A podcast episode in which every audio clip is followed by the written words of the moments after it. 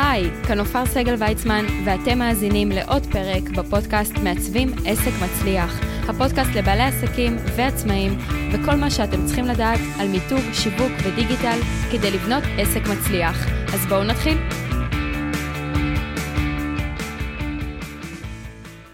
אז שלום לכולם, ברוכים השבים, והיום אנחנו נדבר על מיתוג ובעצם על מהו הקוד הצבעוני של מותג. אז קודם כל, בכל מותג שבונים, בונים גם את הצבעוניות שמתאימה לו ושמשדרת את העסק שלו ובולטת לעומת המתחרים שלו.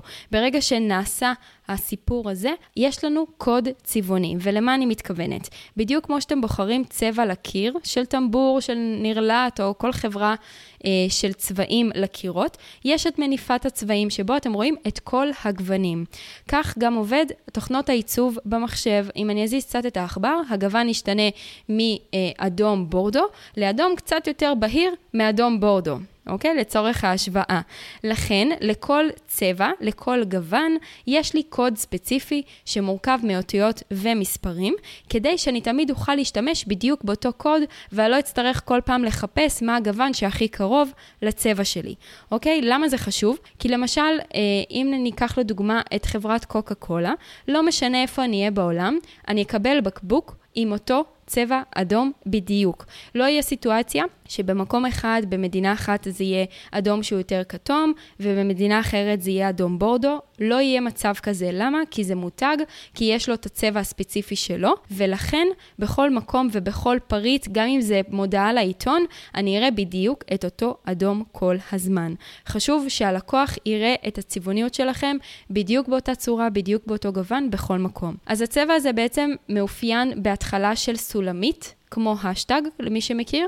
אז זה מתחיל עם זה, ויש צירוף של מספרים ואותיות. ברגע שמסיימים תהליך מיתוג, אתם אמורים לקבל מהמעצב, ואם לא, אז תבקשו כמובן שיהיה לכם.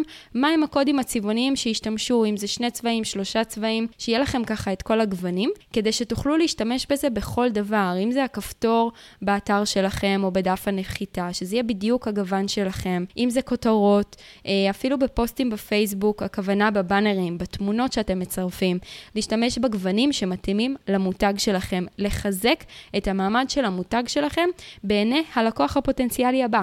ככה שגם אם הוא פוגש אתכם בפייסבוק, ובעוד יומיים באינסטגרם, ובעוד חמישה ימים עם השלט חוצות, הוא רואה תמיד את אותה צבעוניות. ככה בונים מותג זכיר ומבודל לעומת המתחרים שלכם. לכן זה כל כך כל כך חשוב לשמור על זה בצורה אחידה תמיד. אה, בכלל, בעיצוב אנחנו נורא מתעלמים ממונחים כלליים כמו כחול. המושג כחול הופך להיות האם זה כחול ים, או כחול אה, רויאל, או כחול כהה, או כחול טורקיז או כחול ירוק, זאת אומרת, מתחילים לנסות למצוא מהו הגוון שמזכיר משהו, אם זה כחול שמיים, כחול ים, אוקיי?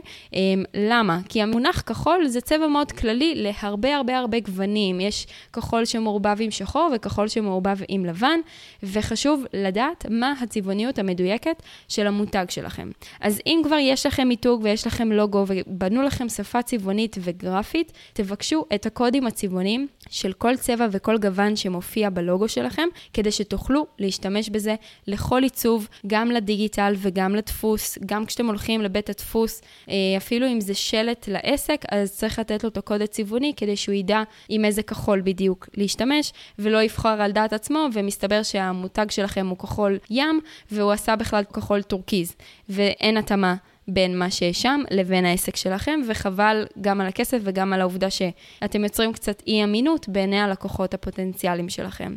אז קוד צבעוני מתחיל עם סולמית, צירוף של אותיות ומספרים. אה, ממש יש קוד לכל כל כל גוון שקיים במחשב, בפלטה הצבעונית.